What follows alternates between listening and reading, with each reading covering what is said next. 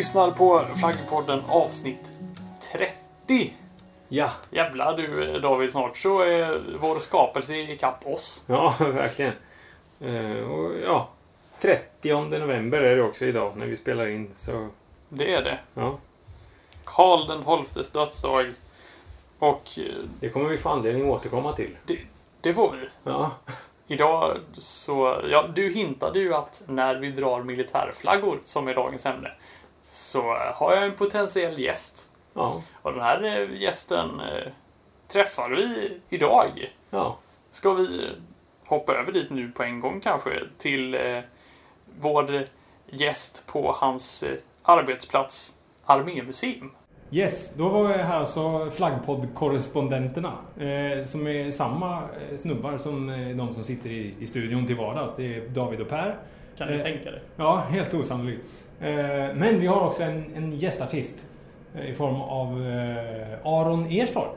En gammal god vän till mig. Eh, som jobbar på Armémuseum. Och vi står här nu i trofékammaren på Armémuseum. Våning 3, 4, 3. Eh, och tittar på flaggor. Vad är det vi tittar på Aron? Ja, det här är ett utsökt eh, urval av eh, några av de 4000 troféfanor som eh, svenskarna har tagit genom slag genom århundradena. Och eh, här finns det allt ifrån ryska fanor från Stornordiska kriget till eh, eh, danska som erövrades innan Karl X gick över isen, Stora Bält. Eh, det finns polska, så det finns mycket, mycket spännande att kolla på. Ja. Och för den som inte kan eh, ta sig hit till Armémuseum Stockholm så eh, lägger jag också upp lite, lite bilder härifrån på, på webben. ja. Så det är bara in och kika den som... Hur mycket eh, kort får man ta? Är det... Ja, det, man får ta hur mycket som helst. Ja, man får ta kort. Ja, men då så. Och eh, för den som har eh, särskilt intresse också så finns eh, hela vår samling av fanor digitaliserad och eh, online som man kan söka från sin dator hemma på www.digitaltmuseum.se. Nästan samma grej som att se dem eh, live. Fast det är lite glas emellan här, det är ju synd. Ja, just här, just här är det glas emellan. Eh, Men du pratade lite om den här eh, flaggan här till höger. Med, eh, det, det, det som är intressant här tycker jag är ju att vi kan ju lätt återkoppla till tidigare avsnitt. Jag ser ju på den här flaggan till exempel att den tvåhövdade örnen är ju högst närvarande. Absolut. Ja, den här stora infanterifana, alltså fotfolksfana, togs eh, vid Pskov några månader innan slag vid Narva 1700. Och eh, eh, det är en rejäl, magnifik eh, fana eh, med fantastiskt ja, detaljer och, och målerier. Men alltså fotfolks, den här är ju ledigt ett par meter hög. Ja, absolut. Och det tror jag, men den, någon som gick runt med den här. Eh, ja, men det finns, det finns eh, otroligt mycket. Det man skulle kunna prata i dagar om. Men, Ja. eh, Men det här var ju lite av en aptitretare. ja, precis. Ja. Tanken är att ni ska få se på lite eh, några andra fanor bakom eh, kulisserna också. Och de kommer faktiskt bli tillgängliga för allmänheten eh, under nästa höst. För då kommer vi öppna en utställning eh, som handlar om slaget vid Narva och eh, de fanorna som togs där. Eh, det är ungefär 270 stycken. Så många kommer inte ställa ut men det är väl omkring 24 om jag inte minns fel. Eh, och eh, massa andra grejer också såklart. Och det är inte bara om själva slagen. Det är om eh, det hölls en parad där de här 1701 i augusti när fanorna som togs då kom tillbaks till Stockholm och vi vet precis vilka gator i Gamla stan som de eh, eh, visades upp på och det var eh, presenterades för enkedrottningen och, och det var nog rejäla festligheter kan man tänka sig. Mm. Eh, och sen kommer utställningen ta upp också lite om eh, ja, med bilden av Karl XII den ändrats inom historien och lite historiebruk och, och sådana här saker. Så att det, eh, där kommer det bli både en ganska sm- smal utställning men också brett, eh, brett ämnesområde i, i det lilla så att säga. Mm.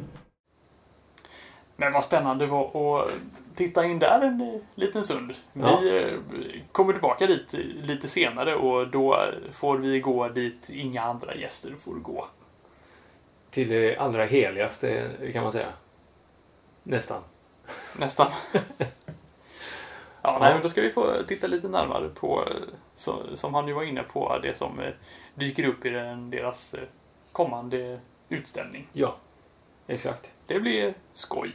Mm. Men innan dess så har vi våra egna, våra egna, våra vanliga flaggor, men varsin då eftersom vi befinner oss stundtals på annan ort under det här avsnittet. Ja, precis. Ja, vi, vi valde att ta, nöja oss med en var idag med tanke på eh, fältstudierna. Exakt. Ja, Men eh, innan dess så, vi har fått lite återkoppling. ja Vi kul. pratade ju senast om att eh, beståndsdelarna av eh, De brittiska beståndsdelarna. Kungariket, Storbritannien och Nordirland, sådär som på Nordirland, har fått sina flaggor som emojis. Just det. Det var Edvin. Edvin som eh, skrev att det, det var eh, förmodligen eh, för att det är Unijack som är den officiella flaggan för Nordirland. Och det kan nog mycket väl vara så.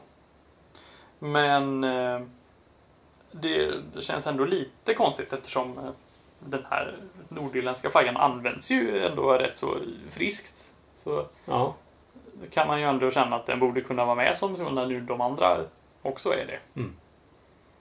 men visst är det så att de, de har ju även eh, God Save the Queen som officiell nationalsång. Är det inte så? Så är det säkert. Jag tror att det är så. Eh, Ja. Medan då å andra sidan åtminstone Skottland har väl en egen. Wales har också en eh, Ja. egen eh, nationalsång. Jo, jo det, så, så, så är det ju. Mm. Och det finns ju dessutom en... Fast det, det, det är ju lite annat eh, område. Det finns ju en eh, annan irländsk flagga för Ulster, det vill säga den norra delen av Irland. Mm. Som ju utöver de eh, grevskap som utgör Nordirland eh, även eh, har några till grevskap som tillhör republiken Irland. Den flaggan är ju liknande, fast den är gul, röda korset och den röda handen så utan kungakrona då, Mm. såklart. Mm. Men där har vi den högst troliga och väldigt rimliga förklaringen till att Nordirland inte har en emoji, men jag tycker ändå att det är lite tråkigt. Det, det måste man ju tycka. Ja. ja alla uteblivna eh, flagg-emojis är ju tråkigt. Exakt. Ja. Så vi, vi vill ha ännu fler. ja. Men eh, ja, i, i- väntan på det höll jag på att säga. Ska vi gå på våra båda flaggor innan vi återvänder till eh, Armémuseum och prata lite? Men gör, vi stökar över där och så går vi på det riktigt festliga sen kan man säga. Ja, så ni Ja. får väl hålla ut nu eller spola fram eller någonting. Det beror på vad man är sugen på. Man kan ju vara sugen på att höra om eh, flaggan som du har valt. Ja, det kan man. Eh, Den eh, heter Gadsden-flaggan. Är det bekant? Det ringer en liten klocka. Det gör det? Ja. ja. En Eh, ormrelaterad klocka. Ja, eh, verkligen. Hur nu en sån ser ut. Eh, detta är en av de äldsta amerikanska flaggorna som finns och eh, användes av de amerikanska koloniernas marinkår under den amerikanska revolutionen. Eh, den designades av Christopher Gadsden, delegat i den andra kontinentala kongressen och general i armén under frihetskriget. Eh, flaggan har en gul, eller guldfärgad, jag vet inte, botten och pryds av en högst aggressiv och stridsduglig skallerorm med slagorden “Don't tread on me” skrivna under ormen. Eh, skallerormen är en gammal symbol för de 13 amerikanska ursprungskolonierna och användes som referens redan 1751 i en satirisk text författad av ingen mindre än Benjamin Franklin själv. Detta är ju då drygt 20 år innan kriget. Eh, ska vi påpeka för att vara liksom lite tydliga här. Eh, han föreslog i denna text att amerikanerna som tack för att britterna skickade dömda fångar till USA skulle skicka skallerormar i den andra riktningen. Eh, 20 år senare i alla fall så utvecklade Franklin sin syn på skallerormens betydelse på så vis att den genom att sakna ögonlock symboliserar en särskilt utvecklad vaksamhet. Eh, den varken startar en attack eller retirerar när den väl är i strid, vilket är ett stort tecken på mod. Eh, genom att den också döljer sina huggtänder framstår den för främlingar som svag och försvarslös vid första anblick. Men för den som trots generösa varningar om motsatsen väljer att gå till attack mot ormen kommer motsatsen att bevisas via ett snabbt och högst dödligt bett. Eh, detta såg Benjamin Franklin eh, som en bild ganska lätt att likställa med den amerikanska mentaliteten. Jag vet inte om den bilden av den amerikanska mentaliteten har förändrats över tid, men det var så man såg det då i alla fall. Åtminstone han. Eh, på senare år så har flaggan kommit att användas av politiska rörelser inom libertian, libertianismen och eh, konservatismen. Eh, konservatismen, exempelvis inom Tea Party-rörelsen. Men också av supportergrupper till det amerikanska fotbollslandslaget. Och med fotboll menar jag då eh, den fotboll vi i Europa refererar till. Eh, och inte den perverterade variant av rugby som amerikanerna själva ägnar sig åt. Eh, en annan kulturell koppling till flaggan av någorlunda modern karaktär är det faktum att ormen frontar skivomslaget till Metallicas Black Album från 1991. Mm. Och att plattan också in, infattar en låt som heter just Don't Tread On Me. Eh, enligt James Hetfield så ska detta ses som en kontrast till det föregående albumet som bandet släppte, eh, And Justice For All, som var ganska anti-amerikanskt laddat Eh, och med den här låten så ville bandet även belysa det positiva med USA. Eller som Hetfield själv lär ha sagt America is a fucking good place. Eh, och eh, även om jag nu råkar gilla Metallica så är inte flaggan så jättemycket att höra för. Tycker jag. Det, var det där med gult. Mm. Så tre av tolv. Och det är enbart ormen som räddar den från ett riktigt bottenbetyg. Ja. Mm. Jag tänker på, för den som kan sitt eh, Simpson så är Don't Tread On Me också det som eh, Bart skriver på sin rumpa när han eh, moonar den australiensiska premiärministern när han är där för att få en spark i baken. Ja, ja. Den är väldigt gul. Ja. Mm, nej, jag, jag dammar av en gammal klassiker och tycker något liknande. ja. Och eh, går från den här ormbeklädda flaggan över till en, eh, något av en motpol för det amerikanska, skulle man kunna säga. Eh, och då tänkte jag prata om flaggan för Folkets befrielsearmé. Folkets befrielsearmé är Världens största sett till antal personer med över två och en kvarts miljon. Och det är, som många kanske lyckats räkna ut redan, Kinas armé. Mm. Officiellt så har Kina världens näst största försvarsbudget, men bland annat SIPRI, Stockholms internationella fredsforskningsinstitut och det amerikanska försvarsdepartementet hävdar båda att Kina inte redovisar vad man faktiskt lägger på militären och att det lär vara betydligt mer än den officiella budgeten. Militärtjänst är obligatoriskt enligt kinesisk lag, men på grund av det stora antalet som tjänstgör i armén så har lagen, enligt vad jag kan förstå, aldrig efterlevts. Kinas före ledare Hu Jintao definierade folkets befrielsearmés uppgifter till att befästa kommunistpartiets makt, säkra Kinas suveränitet och territoriella integritet, skydda Kinas nationella intressen samt att hjälpa till att upprätthålla fred i världen Hu Jintao efterträddes av Xi Jinping för några år sedan och jag vet inte om han haft anledning att ändra på de uppgifterna. Det, om, om du har det, Xi, så hör, hör av dig och skriv och berätta. Men eh, flaggan då, mm. den, är, den är väldigt lik den kinesiska. Mm. Men den saknar de fyra stjärnor som omger den större stjärnan i Kinas flagga. Innehåller istället något annat helt obegripligt. Ja, istället så finns vid sidan av den här stora gula stjärnan två tecken. Mm. Och det är tecknet för 8 och tecknet för 1. Okej. Det, det ser ut som en bruten linje skulle man nästan kunna säga. Ja, Ungefär som tre tändstickor som man har lagt lite... och någon har Vinklat. blåst på eller liksom kommit åt så att de har huller om bullrat sig lite. Ja. Ja. Tecknen 8 och 1 syftar på Nanchang-upproret 1 augusti 1927 som var den första stora konflikten mellan kommunister och Kuomintang i det kinesiska inbördeskriget. Mm. Och det här ses också som datumet för grundandet av folkets befrielsearmé. Right.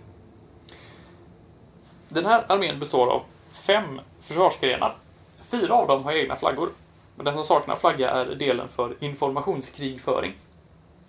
De fyra som har flaggor har alla varianter på den övergripande flaggan med den skillnaden att den nedre delen av flaggan har en avvikande färg. Markstridskrafternas flagga har grön botten, flygvapnets ljusblå, missilstyrkornas orange och flottan har fem smala fält i omväxlande blått och vitt. Folkets befrielsearmés emblem är en röd stjärna med gul bård och i mitten av stjärnan finns också tecknen för 8 och 1. Dock inte lika stiliserat som på flaggan. Och det som blir lite lustigt här är att 1 augusti, det är min namnsdag. och som av en händelse så har jag också namnsdag 1 oktober, som ju är Kinas nationaldag. Du är kines, eller har varit det tidigare i liv helt enkelt. Det måste vara något sånt. Ja. Eh, flaggan är... Alltså jag, jag tycker att det, den är väl lite trevligare att vila ögonen på än eh, den här... Eh, den, än alla stjärnorna som utgör Kinas flagga. Mhm. Men eh, ja, ja... Tre- Fyra. Fyra. Ja. Du, det är på den här, om mycket gult är någonting som jag inte gillar så är det mycket rött någonting som du inte är Ja, så och, förtjust i. nej precis. Och jag tycker väl att eh, de där eh, tre tändstickorna som ligger lite huller om buller, ja, eh, de är inte... De är inte till flaggans fördel. Eh, då föredrar jag de fyra stjärnorna. Eh, helt klart. Jag skulle nog sätta en trea på den här också faktiskt. Mm. Mm. Men det var ju inget... Nej, estetiskt så här är inte det här flaggpålens bästa ögonblick. Nej, inte de här i alla fall. Nej. Men de fanorna som eh, svenskarna la beslag på i Narva är ju, var ju betydligt finare. Det kan man lugnt säga. Så vi eh, hoppar väl tillbaka till Armémuseum då och eh, kikar lite närmare på, på dem helt enkelt. Det gör vi, tycker jag. Tillbaka nu i en helt annan del av Armémuseum. Den som inte är fullt lika öppen för allmänheten. Och nu står vi här alla tre. Jag, Per, och David och Aron. Eh, och vi tittar på, på någonting här. Vad är, det, vad är det vi tittar på Aron? Ja, det här är en rysk fana som togs i slag vid Narva. Eh, och eh, en rysk kompanifana och de, just den här modellen gjordes i väldigt stora upplagor. Eh, vi vet inte så mycket mer specifikt eh, eh, vilka som hade just den här. Eh, men att vi vet att den är från, från eh, slaget i alla fall. Eh, de ryska fanorna var gjorda av eh, kinesiskt siden och eh, vi har haft forskare från ett sidenmuseum i Kina som var här och kollade på vår samling. Och efter genomgången kunde de konstatera att Armémuseum är ett av de ställena som har störst koncentration av kinesiskt 1600-talssiden utanför Kina. Så det finns många olika gömda samarbetsprojekt och så som man kanske inte tänker på när man hör Armémuseum i första hand. Och, och de forskarna de var ju kanske inte specifikt inne på vilket slag de olika fanorna tog, utan de kollade mer på teknik och mönster och sådana här saker. Men visste de då någonting om eh, varför den här eh, ser ut lite som en medaljongtapet? Ja, det var ju, eh, det var ju modet på hur de, eh, det kallas sidendamast, just den här eh, mönstrade siden, eh, sidenväven. Eh, Och det är många fanor från den här tiden som har just eh, olika dekor på själva bakgrunden utöver den själva eh, målade dekor som också finns på den med symboliker. Det finns ja, bland annat ett Sankt Andreas kors och, som också är en vanlig symbol på de här. Och, det är ju samma kors som vi har i skotska flaggan till exempel. Det har vi pratat om eh, i tidigare avsnitt. Mm. Ja. Ja, för det är ju lite intressant. Alltså, själva fonden är ju till största del blå. mm, Och så med eh, någon sorts eh, kvistar i guld som omger ett lite mörka olycksbådande moln och ett svärd som dinglar ner från de här molnen ner mot den här delen med korset då. Efter slag vid Narva så det var ju väldigt otippat för den ryska armén var ju väldigt mycket större numerärt än den svenska. Eh, Men eh, det gick vägen för Karl XII och eh, det blev en stor seger. Eh, Och det här skulle såklart firas och berättas. Man skulle berätta även för de som var hemma i Sverige att det hade gått bra. Eh, Så det lästes upp en så kallad tacksägelsetext i kyrkorna. Det är ett specifikt tillfälle så läses samma text i alla Sveriges kyrkor. Där man då berättade om den här fantastiska segern och så, så att soldaternas respektive skulle få höra att det minsann gick bra för dem på andra sidan Östersjön. Ehm, och senare, det dröjde ytterligare några månader, så kom eh, fanorna till Stockholm eh, i 17, eh, sommaren 1701. Och då skulle genomföras en stor parad där man då skulle tåga genom bland annat del av Gamla stan, eh, Skeppsbron och eh, Stora Nygatan och sen ut mot eh, Riddarholmen och så. Där man skulle presentera dem för enkedrottningen som var kvar i landet. Eh, och då finns det beskrivet att eh, dagen innan paraden så arrangeras de här ryska fanorna i, efter färg. Så att det skulle se snyggt ut helt enkelt. Den är ju ganska stor ska man gissa. Kvadratisk och kanske ungefär eh, två gånger två meter ungefär. Ja, den är, ja det stämmer faktiskt eh, rätt bra. Mm. Eh, och den har också här en... Om man, Den här etiketten är ju spännande. Ja, precis. Eh, det var ju viktigt att eh, bevara informationen om, alltså redan när de kom till Sverige där och då, att var de hade tagits och eh, vilket sammanhang och så. Så att just på den här så finns det en etikett som skulle kunna vara från tiden. Eh, där det, står, det är en handskriven som det står rysk fana tagen av konung Karl XII eh, slaget vid Narva den 20 november 1700. Det är som en post-it-lapp från 1700-talet. Exakt. Ja. Med väldigt snitsig handstil. Ja, Ja, det, extremt. det, det var väldigt, väldigt elegant. Och sen bredvid den här fanan så ligger en, ehm, en stång. Det hör inte till just den vi pratar om nu utan till en annan. Men eh, där finns det faktiskt, ehm, i, den är kandelerad eller räfflad Den kan är räfflad ja, precis. I handtaget. Ja, och eh, i där så har, man, eh, har vi hittat att det är eh, rester av jord. Så vem vet, det kan vara jord från Narva, från slaget. Eh, om man då återgår lite till den här fanan vi pratade om nyss här också så om vi blickar ut lite över den så ser vi eh, några ja, ganska smutsiga bomullsrondeller eh, som ligger på ett fat. Och, eh, anledningen att vi, vi står här i konserveringsateljén och mina kollegor de håller på och rengör och gör i ordning dem inför den här utställningen. Och eh, de här de, de var otroligt skitiga. De, hängde, de här fanorna hängdes upp eh, de hängde under 1800-talet, stor del av 1800-talet i Riddarholmskyrkan. Och eh, som många gamla kyrkor på den här tiden så var det väldigt sotigt. Det var ju såklart levande ljus och sådär. Så att det är, mm, ja, de var rejält skitiga. Eh, så nu, det är alltid roligt att se när de eh, fräschas upp och, och utan att förstöra den historiska patinan så att säga. Ja, med tanke på hur skitiga de är så man kan ju tänka sig lite hur... Eh, alltså den var väl inte fullt så blå innan de började jobba. Nej, då, då var en, jag, jag såg den, man skulle nästan vilja ha en så före och efter en bild för det, den var, den var, vissa av de här som ligger inne nu, de var rejält, eh, ja, men om man säger murriga i, i, i färgerna. Utan det, ja, men det, det är kul att se när de, de, eh, de, man kan ta hand om sådana här eh, spektakulära föremål.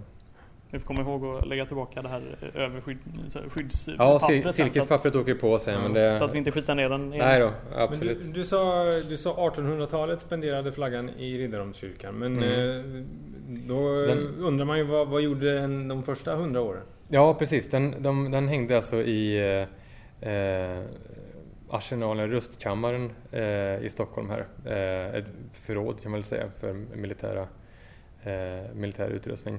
Eh, Tessin eh, planerade att bygga ett stort trofépalats och det finns faktiskt ritning på det men det kom aldrig att utföras. Men det var storslagna planer och om jag inte minns fel så skulle det ligga i Kungsträdgården. När fanorna togs till, när de kom till Stockholm och hade varit på den här paraden så vet vi om att de Tessin hade gjort i ordning ehm, de la Gardis gamla palats Makalös som låg eh, eh, också vid Kungsträdgården. Eh, och han hade tänkt ut väldigt bra hur de skulle hänga och sådär. Sen när de väl kom så var ju fanorna så mycket större än han hade tänkt sig. Och så många så att de fick inte plats där. Så att det stod beskrivet att fanorna hängdes ut genom fönstren. De hängde i tre dagar. Eh, så att, ja, jag kan tänka mig att det är svårt också att liksom förbereda en sån här innan man har sett eh, och, vilken, och hur, det, om man inte minns fel så är det 270 stycken ungefär fanor som togs bara vid Narva. Och sen kommer det ju eh, bra många fler eh, i de slagen som kommer åren efter också. Så att, eh, ja, det var nog inte alltid lätt att planera för, för man skulle hänga upp det på ett snyggt sätt. Det är intressant att beskåda Alltså sömmarna och så här. Eh, alltså det är ju inte... Man, man ser ju att, vad heter det, eh, sömnadskonsten har gått framåt genom eh, tiderna. Det, det, Ja, man kan eh. väl föreställa sig att ungefär så här skulle det se ut om jag försökte sy, sy en flagga idag. Ja, det, här är ju en... Eh, eh, de var väldigt skickliga. Eh, också sen man la väl ner olika mycket på de olika sorters. Vi- Det finns väldigt fina eh, broderade eh, fanor från den här tiden också. Eh, ja, bland annat finns det en svensk som är eh, med silverbroderier och man vet precis vem det är som har eh, vem som har brodösen och vem som har gjort själva designen för den. eh, Vem som har gjort själva stången så att allting finns väldigt väl dokumenterat. Så att det, ja, men det, det ser lite grovhugget ut när man ser det. Så det, det håller jag med om. Eh, ska vi, Vi rör kika lite i på nästa- den andra här borta? Absolut. Ja, nu kommer vi in i ett eh, annat eh, rum här där det Ja. ligger ett par... Fem meters promenad var det. Ja, men med, med, med några li- lite mindre eh, fanor här. Precis. Vad, vad, vad tittar vi på, på nu då? Ja, nu har Vilken vi av dem tittar vi på? på... Vi tittar på den ena här. Nu vi, tittar vi på ett eh, så kallat standard som kavalleriet använde. Det är lite mindre och Det var inte ens en fana, det var standard. Ja. Ja, precis. Eh, och ehm, eh, med fransar. Jag tänkte, jag kan ju... Det ser ut lite som en matta i första ögon, ögonkastet. Ja, precis. En, väldigt tjusig sådan. Eh, Som jag nämnde tidigare med den här etiketten på den förra stora infanteri eller fotfolksfanan så, så var man tidig med att beskriva de här. Och eh, det, det står här, ehm, finns en beskrivning från 1703 års röstkammarinventarium. Helt förgyllt standard med eh, målad eh, guld, eh, guld enkel örn. Under örnen är ett kastell, svart lövverk i kanten och röda silkesfransar.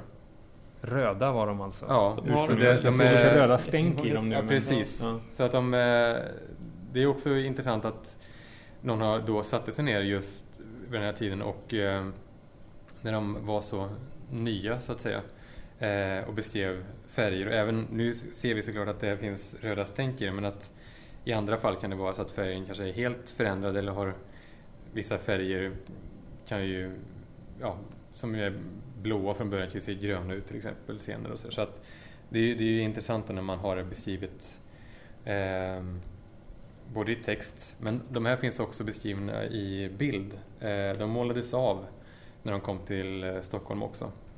Så det är eh, och väldigt verkligt troget med alla eh, eh, ja, om de var slitna då också eller skadade av slaget och sådär. Och vi har angående sådana saker så har vi också eh, några fanor från, som är tagna från krig som, eh, som bär vittnesmål om, om stridens hetta. Det, det finns eh, någon med vad vi tror är mm, blodspår och eh, någon som eh, har krutstänk och lite, mm, kan vara någon stötkula hål och sånt där. Så det, det finns, eh, ja, när man kollar på dem eh, så här idag och man ser eh, vilket hantverk det är och mm, måleri och, och broderi och allt så kan det vara lätt att glömma bort att de är faktiskt det var ingenting man bara skulle visa upp på en fin parad utan de här var med på slagfältet och hade en roll. Man, det var igenkänningstecken att man visste om att som eh, soldat eller ryttare så, eh, så kunde man hela tiden ha koll på att men där är min fana eller mitt standard eh, och då vet man var man ska vara så att säga. Så att fanorna hade inte bara symbolisk, det var inte bara symboliskt viktigt utan de var också i praktiken ja, man skulle veta var, var fanan var så att säga för att veta i allt kaos på, på slagfältet. Just det. Men, det här, men här, här, eh, till skillnad från den andra då, där jag i mitt infantila jag kritiserade broderiet. Eh, så, så ser man ju här en detaljrikedom och en, en, en viss virtuositet i, i, i, i själva hantverket som, som ja, ganska vass måste man ju säga. Absolut. Jo, och, och eh, många med just standarden ryttar, eh, de här eh, grupperingarna, så de, de kunde ha lite mer eller det ska jag inte säga för de, det finns fotfond eh, som är fantastiskt dekorerade också. Men det, eh, ja, det, det berodde helt vilken enhet det var. En del eh, hade ju högre rang än andra och en del fonder var mer massproducerade kompanifan medan andra var eh, skulle vara lite mer exklusiva eh, och så. Det hade ju varit väldigt spännande om man eh, hade lyckats få reda på om det här skulle eh, byggnadsverket här i botten om det skulle vara någon, någon särskild bestämd ja, byggnad. Precis, och det, det står faktiskt här att eh, eh, möjligen den ryska staden Orels vapen. Jo, och sen det är också det här Eh, Eh, det har inte något med just den här specifika som, som jag står framför nu men, men just vid slag vid Narva så var det en intressant händelse som eh, dök upp under slaget eh, som har just med att ta fiendens fana. Det var ett svenskt regemente som tog eh, ryska fanor och eh, stod med dem antagligen på ett sätt som gjorde att de själva såg ut som ett ryskt regemente varpå ett annat svenskt regemente började skjuta på dem. Och det var inte förrän trumslagaren spelade en svensk signal som de slutade skjuta och förstod att det var de egna som de sköt på. Så att det där med att ta fanor på slagfältet eh, det var inte helt riskfritt heller. det var det inte för någon såklart men att eh, det eh, kunde till och med bli lurigt då om man eh, blev beskjuten från, från kamrater. kamrater. Ja. ja, vad lär vi oss av det då? Jo, flasha inte med bitet. Nej, precis, precis, exakt så. Ja. Eh, vi har en till. Vi hade en flagga till här, ja, eller fana till. Heter precis. Det. Vi ska och, prata lite eh, akademikerspråk. Ja, det här är en eh, rysk dragonfana. Eh, och det är också till den eh, stången som jag pratade om förut med lite jord från, från Narva som hör till. Eh, och den här tror man kan vara en kompanifana för Henrik Schnevens dragonregemente. Och den här eh, Schnevens kom också i svensk fångenskap efter slaget. Eh, och dragoner, det, ja, rider, kan strida till häst och fot. En, en del eh, elaka tungor säger att dragoner de strider i fots men flyr till häst. Men det, det har ändrats lite under historiens lopp hur man, de är lite mer okay. allround kan man säga. Det är liksom arméns fegisar. Nej, det skulle jag inte vilja säga. Nej då, nej då. De är... Vilka är arméshundar? Nej. ja, precis. Ja. Det var väldigt matnyttigt om, om de här fanorna. Ska, ska vi sätta oss någonstans och, och, så får du berätta lite om själva slaget. Och, och framförallt hur, ja, du, du nämnde lite hur man använder fanor och, mm. och sådär. Och standard och, och så. Men vem, vem höll i vilken fana och var stod vederbörande och, och så vidare. Precis. jag är lite nyfiken på. Ja, absolut. Mm. Vi kan, eh, vi kan Ja. gå och prata vidare om detta. Ja. Ja, då har vi ju flyttat på oss igen. Ja, och vi Ja. har en karta framför oss. Eh, en karta över Narva. Eh, Mm. 20 november 1700. Och vi, vi bara som en flika in här att idag råkar det ju av en händelse, ren slump, vara så att det är den 30 november. Ja.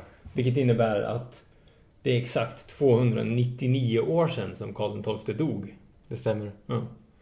Och Det här var ska ren vi- slump faktiskt att Ja, det blev så. ja, Ja. Ja, och, och nu ska vi alltså prata om en av de sakerna som eh, Karl XII faktiskt lyckades med. Det enda han lyckades med. Ja, det med några, några medier är lite grann men, men, men absolut. Kanske den största, eller den första stora eh, serien i stora, det som kommer att kallas för Stora Nordiska kriget. Ehm, och som då såklart självklart ehm, om man backar bandet lite så är det ju så hade Karl XI, alltså Karl XIIs pappa, eh, eh, gått bort.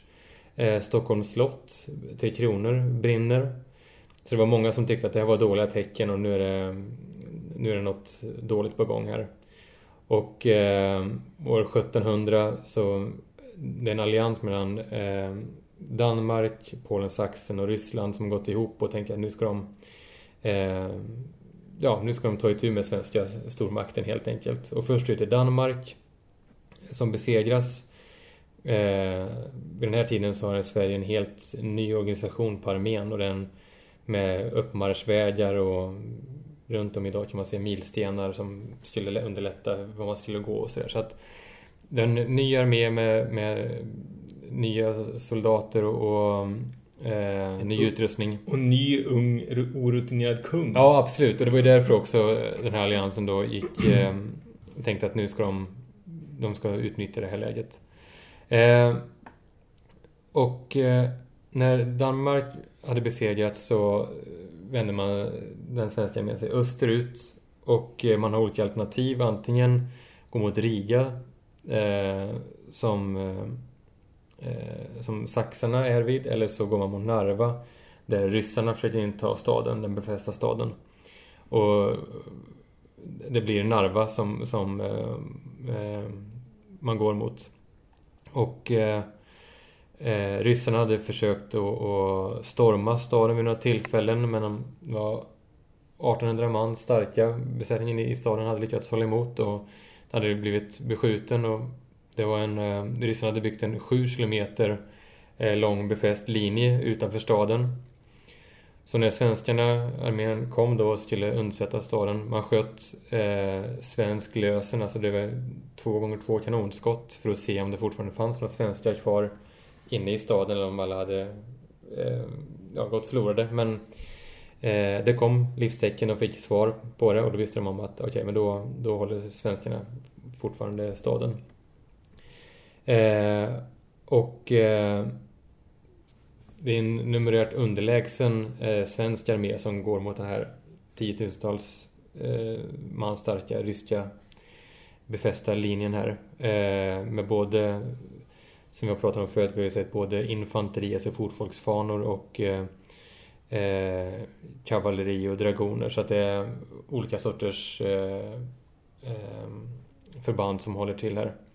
Man kan, man kan se här, bara flika in, att infanteri är precis, eller i princip över hela linjen nästan. Ja, precis. Det är här på flanken som kavalleriet sitter. Står...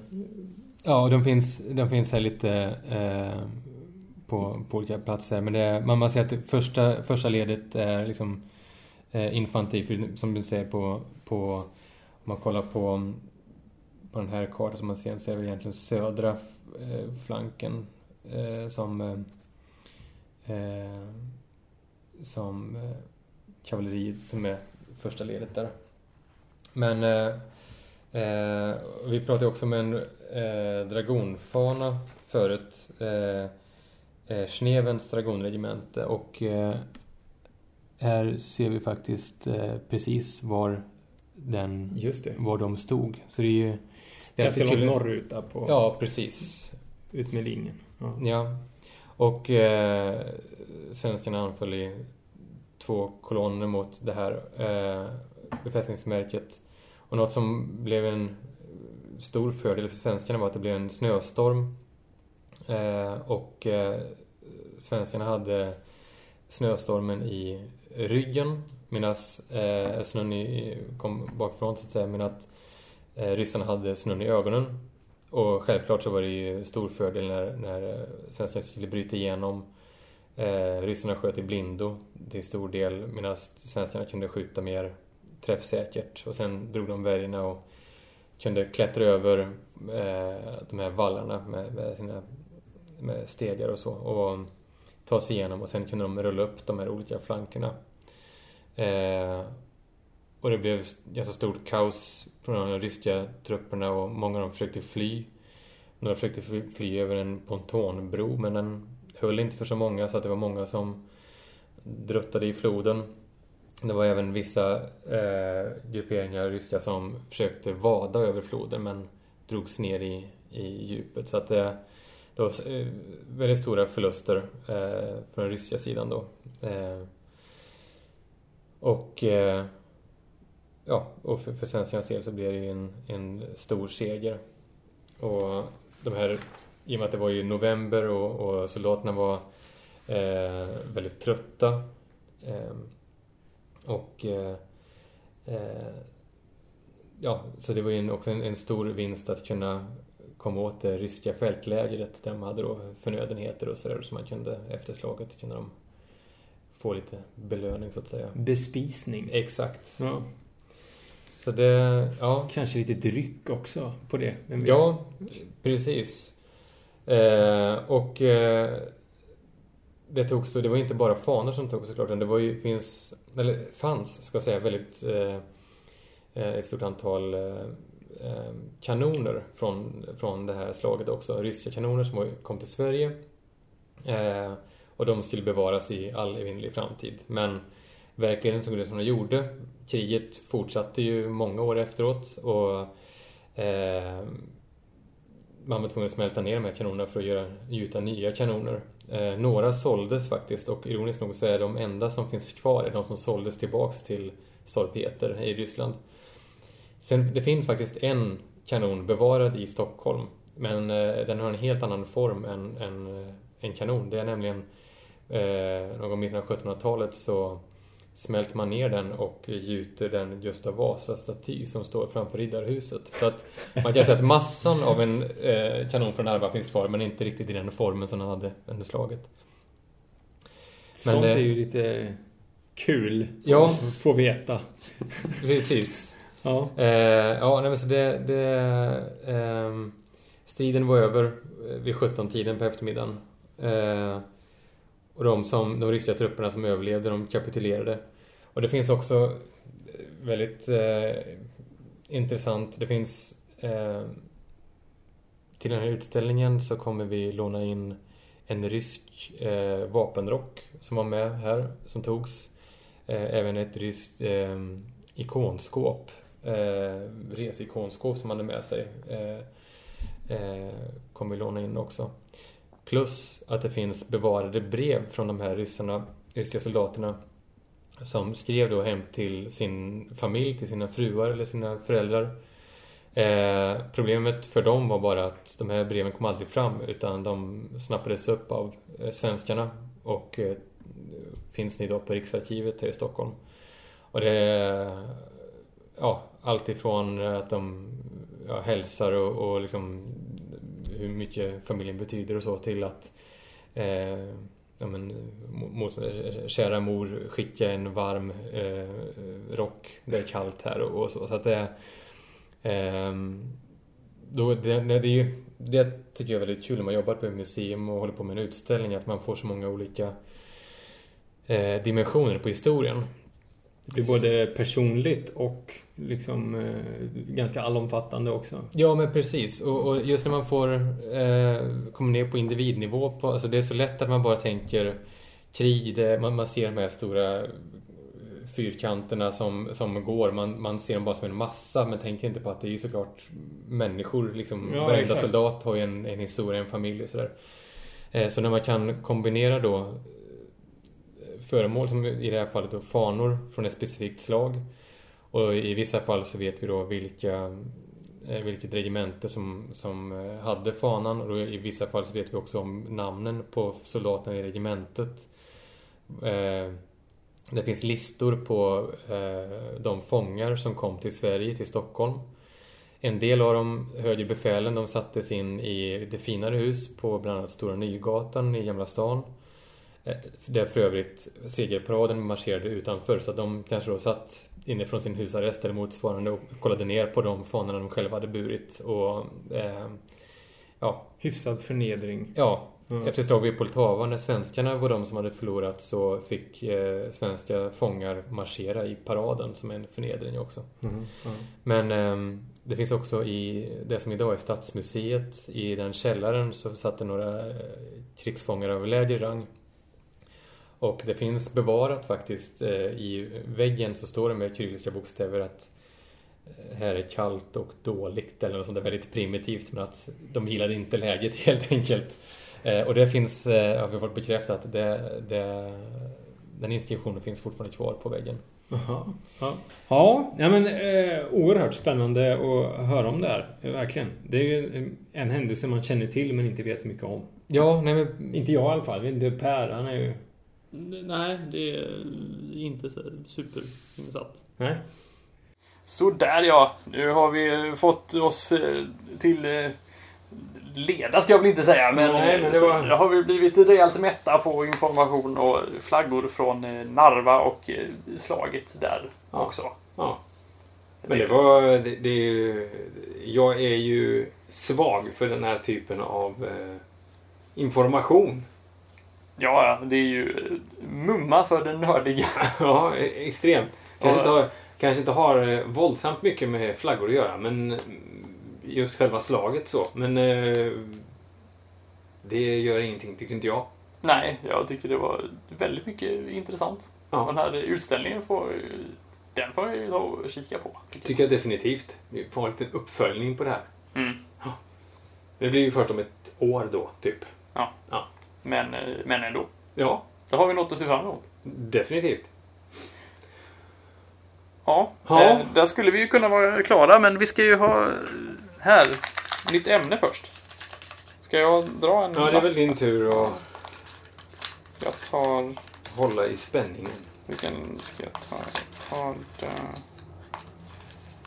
Eh, Jag tar den här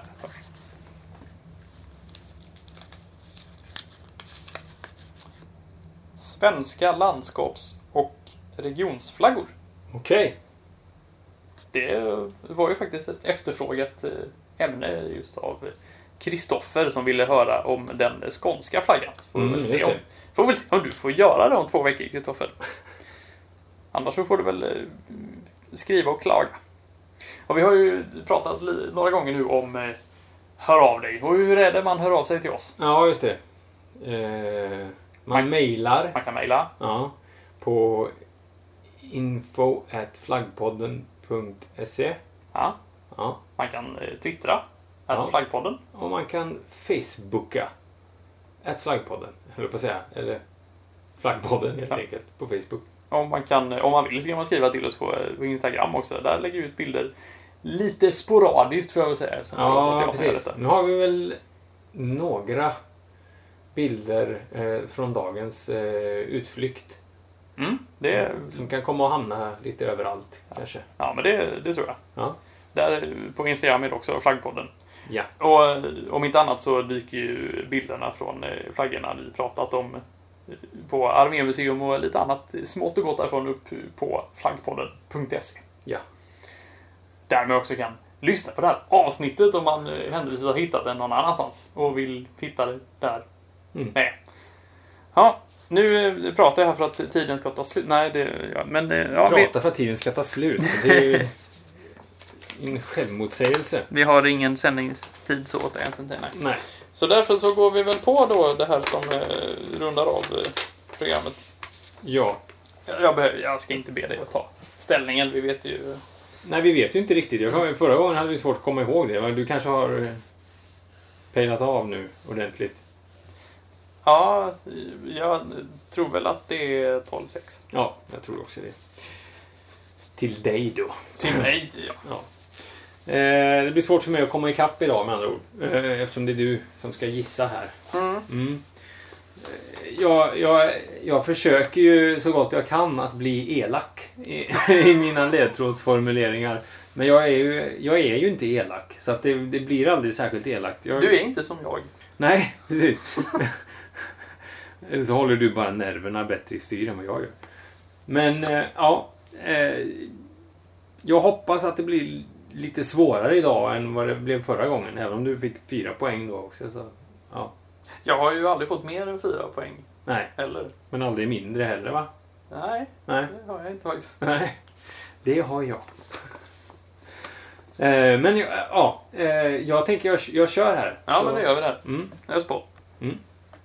På 10 poäng. Denna 186 år gamla flagga representerar ett 187 år gammalt land. Ja. 180 var landar vi någonstans.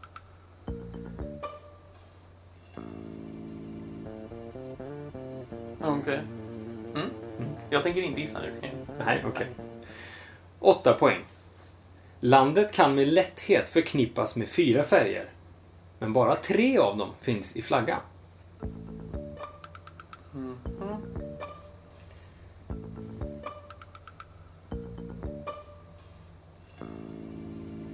Du ser klurig ut nu.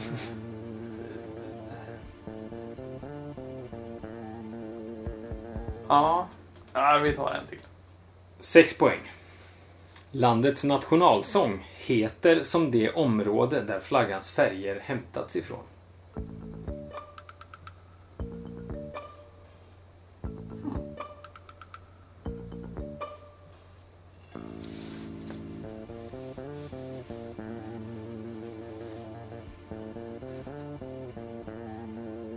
Eventuellt så är jag någonting nu, men det kan vara helt tok fel. Så därför ska jag inte köra på det utan ta nästa. Mm. Fyra poäng.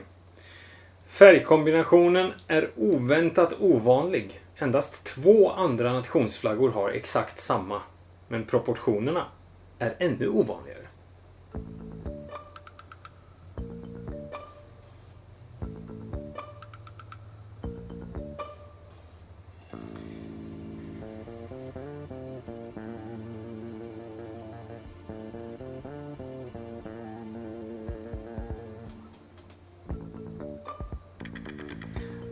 Plockar ner det här på en tvåa faktiskt. Okej. Jag får krypa till korset. Två poäng. Huruvida offentlig urinering är olagligt eller ej i det här landet kan jag inte svara på. Men somliga tycks få göra det precis hur mycket som helst.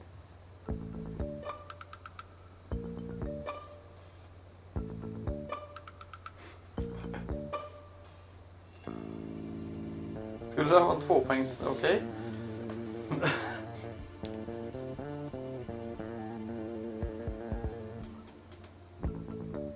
Alltså, det, det kräver ju lite tankeverksamhet, men när man kommer på det så, så, så tycker jag definitivt att det är tvåpoängsnivå. Okej. Ja, min hjärna är för trött för jag kläcker inte den här. Nej, Jag kanske var tillräckligt taskig idag. Nej, det händer ingenting här. Jag får, Det händer ingenting? Nej, jag får upp. Vad var du inne på då? Nej, det vågar jag inte säga. Nej, ska jag röja? Ja, du får nog göra det. Ja. Belgien.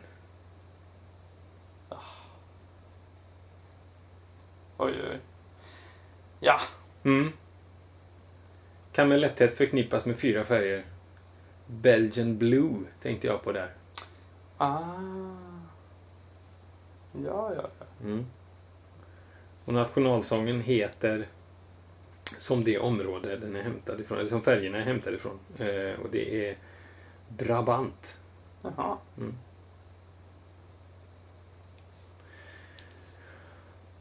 Och som sagt var, ovanlig färgkombination. Endast Tyskland och Angola har exakt samma färgkombination. Ja, det var de. Mm. Ja, nej. Och sen har vi Mannequin Piss. Jo, men det, ja, jo, Ja. nu... förstod jag den. Ja. Det är en liten sketen staty. Som eh, jag höll på att missa när jag var i Bryssel om det inte var för att det helt plötsligt i ett gathörn var massor med souvenirbutiker. ja. Bara, Varför just här? Eh, så. För att det står en staty och kissar här. Ja, så vred man lite på sig. Aha, därför. Ja. Ja, ja, Belgien alltså. så vart det. Det ser man. Mm. Har proportionerna 13 till 15. Mm, den är så här nästan kvadratisk. Ja, Typ Niger också så här. nästan. Nästan kvadratisk. ja. Så Ja. det är extremt udda. Mm. Mm. Ja, jag var... Av någon anledning var min hjärna inne och for mot, eh, mot Frankrike, vilket till mitt Det är inte helt- försvar är ganska nära. Det är ganska nära. Och eh, den var faktiskt... Eh, den tog inspiration av den franska trikoloren när... Som sagt var, eh, landet eh, blev självständigt 1830. Då var flaggan horisontell. Men sen eh, ett år, inte ens ett år, utan vi snackar kanske knappt ett halvår senare så, så justerades den och eh, blev vertikal istället. Med anledning av att Frankrikes var eh, vertikal. Intressant. Mm. Ja, Så är det. då, då, då vet ni det. Ja, Och jag också. mm. precis. Men Ja. då får jag väl rikta ett stort tack till Aron och Armémuseum Verkligen. för att vi fick komma och hälsa på. Definitivt. Och vi kanske kommer tillbaka och nördar ner oss lite mer någon Ingen vet. Det får vi se. Ja. Men Nästa gång håller vi oss inom rikets gränser. det gör vi. Mm. Fram till dess så får ni ha det så jävla bra. Jajamän. Hej hej! Hej.